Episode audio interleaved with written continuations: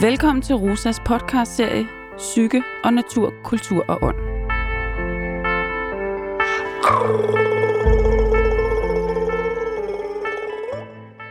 I dette afsnit, Genforbindelse til natur, kultur og ånd, skal vi i selskab med filosof og eksistentiel terapeut Anders Dræby dykke lidt ned i begreberne forbundethed og uforbundethed.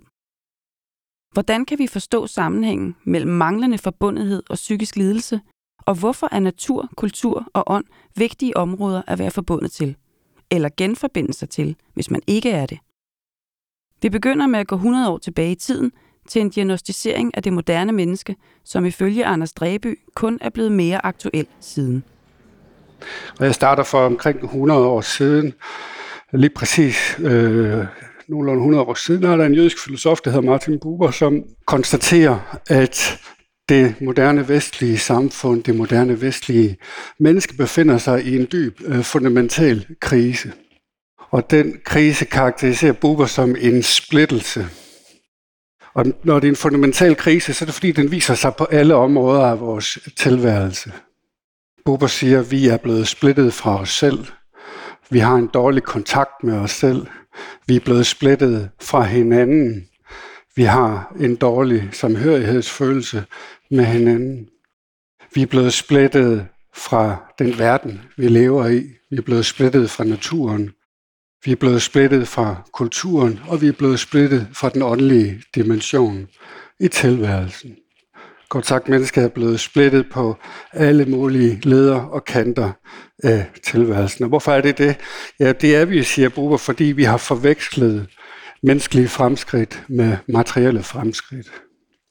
Vi har øh, udviklet en kultur, et verdensbillede, som er utrolig materialistisk, hvor vi har fået et meget instrumentelt tilforhold forhold til alting i tilværelsen, til os selv, til hinanden, til den verden, vi lever i. Og det er det, der har ført til den her grundlæggende splittelse i vores tilværelse. Og det er så 100 år siden, Buber har øh, sagt det her. Og det nævner jeg, fordi det ikke nødvendigvis er blevet bedre i de 100 år, der så er gået. Her er det måske passende at få relevansen af forbundethed eller samhørighed på plads i forhold til personlig recovery. I et review, hvor man har set på tværs af studier, der afdækker virksomme faktorer i recovery-processer, bliver nøgleordene til forkortelsen CHIME. Her repræsenterer sædet det engelske ord for forbundethed, connectedness, som sammen med håb, identitet, mening og empowerment betragtes som nøglefaktorer i recovery-processer. Tilbage til Anders Dreby. Som Martin Buber ser han uforbundethed som et grundlæggende problem i den vestlige kultur. Og uforbundetheden handler ifølge Anders Dreby i en vestlig forståelse om, at mennesket er universets centrum, og at vi med vores rationelle fornuft kan kontrollere verden. Vi øh, har fået den opfattelse, at vi mennesker, vi er centrum i universet, og vi kan forklare og kontrollere alting. Den vestlige kultur hviler på to grundpiller, og det ene det er en tanke om, at øh, mennesket ved at øh, forbedre sig selv kan opnå en, en frelse i det her liv, eller senere hen. Og det andet det er en tro på, at mennesket ved hjælp af fornuften kan skabe sig et godt liv. Og den her tanke om troen og fornuften, de to aspekter bliver ligesom grundlæggende for en kultur, der prøver at vise, at hvis vi tror på vores evner, og hvis vi tror på, at vi kan forbedre det her liv, ja, så kan vi opnå øh, noget, der er, er godt for os selv. Det er jo en tro på lyset, øh, men som gradvist fører til, at vi øh, lukker en hel masse ting ude det er troen på menneskets egen fornuft, menneskets egen egenskaber. At den tro på, at vi ved hjælp af vores egen kraft kan ændre verden til det bedre.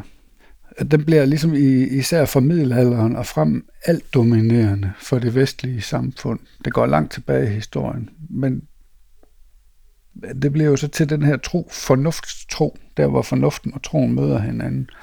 At hvis vi sætter vores lid til vores egne rationelle evner, ja, så kan vi skabe et, øh, godt liv. Det vi så bare ikke ser, det er, at, at, at mennesket der mister sin forankring i verden. Mennesket mister for det første sin forankring i naturen i hele den her bevægelse. Fordi det er en, hviler på et grundsyn, eller det grundsyn, at mennesket ikke er en del af naturen, men at det kan forklare naturen, at det kan hæve sig over naturen, og i hvert fald sin egen natur. Selvom rødderne går langt tilbage, er det særligt i de sidste par hundrede år, i det man kan kalde den teknologiske tidsalder, at mennesket får et mere instrumentelt forhold til naturen og til tilværelsen i det hele taget. Det er også i den periode, at psykiatrien opstår som speciale, og de første psykiatriske hospitaler opstår. Da psykiatrien opstår i 1800-tallet, har den stadigvæk en forståelse af, at mennesket er en vis del af naturen. Og man placerer de psykiatriske hospitaler, som man kalder asyler, i naturskønne omgivelser. Og det gør man ikke bare, fordi det er billigt at placere bygningen derude. Det gør man, fordi man mener, det har en helt øh, afgørende funktion for patienterne og for helbredelsen af patienterne. Naturen er nemlig adskilt fra civilisationen. Og i det øjeblik, man flytter folk uden fra civilisationen, ud i naturskønne omgivelser, ja, så fjerner man dem fra alle de forstyrrelser, der er med til at skabe deres uro, og med til at fremme deres uro. Men efterhånden, så begynder man at flytte hospitalerne ind i byerne. Og det er fordi, man begynder at opfatte naturen på en anden måde inden for psykiatrien. Man lægger ikke vægt på den omgivende natur længere, man lægger vægt på den indre natur.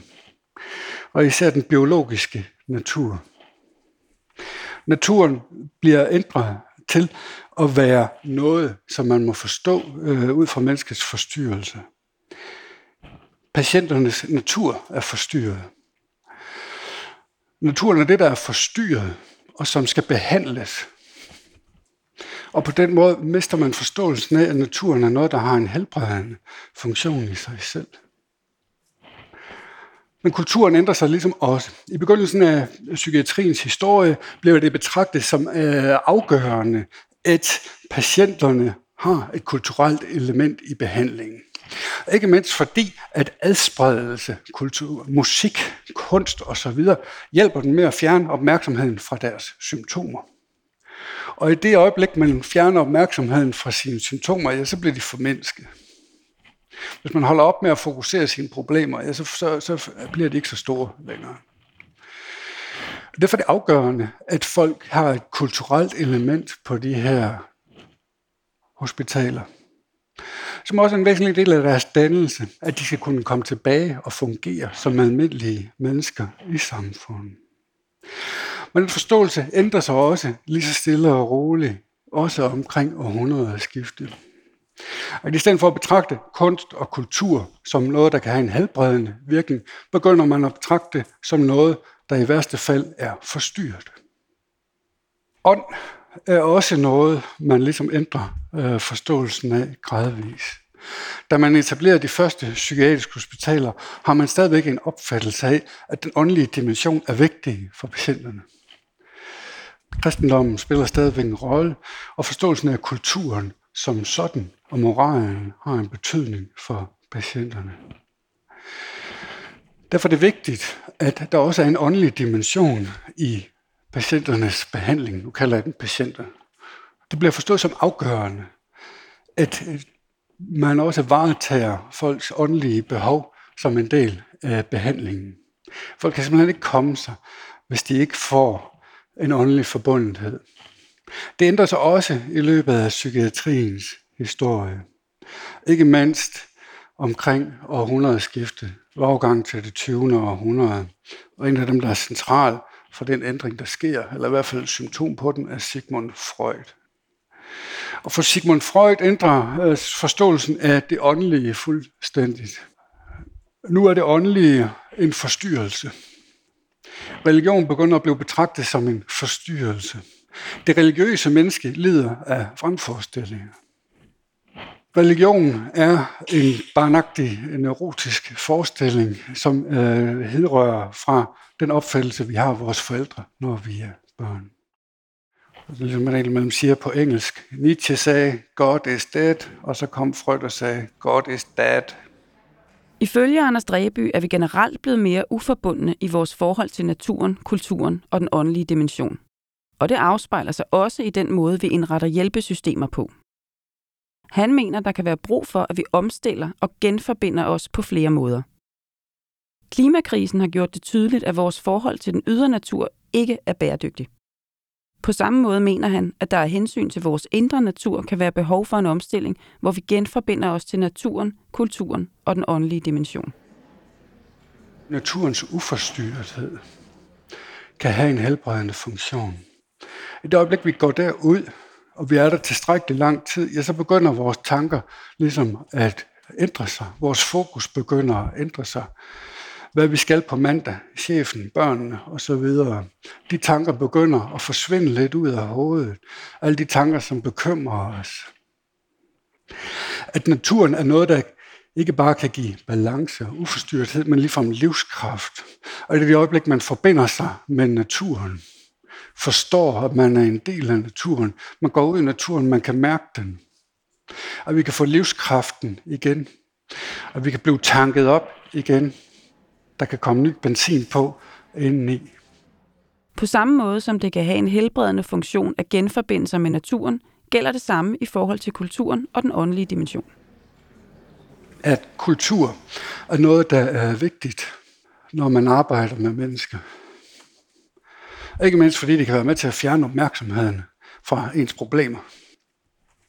At man kan forstå, at kreativitet, intuition følelsesmæssighed sårbarhed, at det også kan være øh, noget, der kan have en helbredende funktion. At det at engagere sig i sådan nogle aktiviteter ikke kun behøver at være adspredelse, men det også kan være en vej til at blive øh, helbredt. Historien er fuld af eksempler på folk, der er blevet helbredt for deres problemer ved at skrive en bog, eller ved at kaste sig over kunst eller et eller andet. Ikke? At helingen også er i at kunne udtrykke sig selv og skabe en forbundenhed til verden på den måde. At ånd også i arbejdet med patienter, klienter, borgere, hvad jeg kalder den, er afgørende.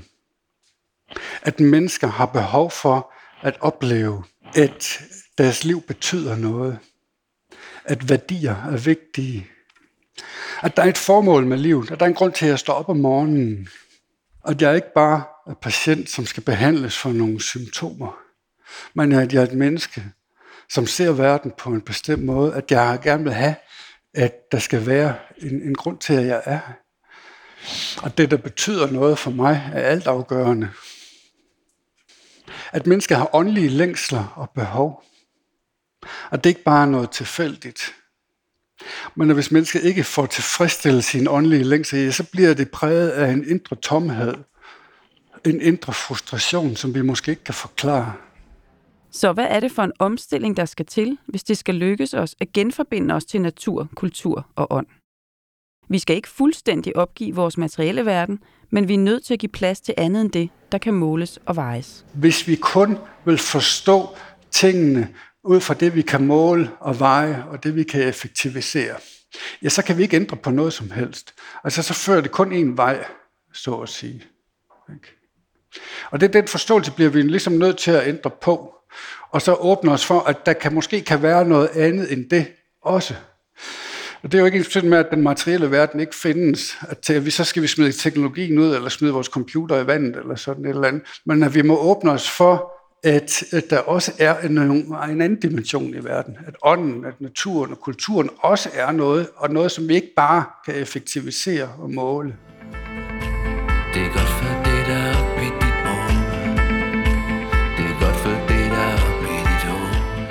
har lyttet til Rosa-podcasten Genforbindelse til natur, kultur og ånd. Tak fordi du lyttede med.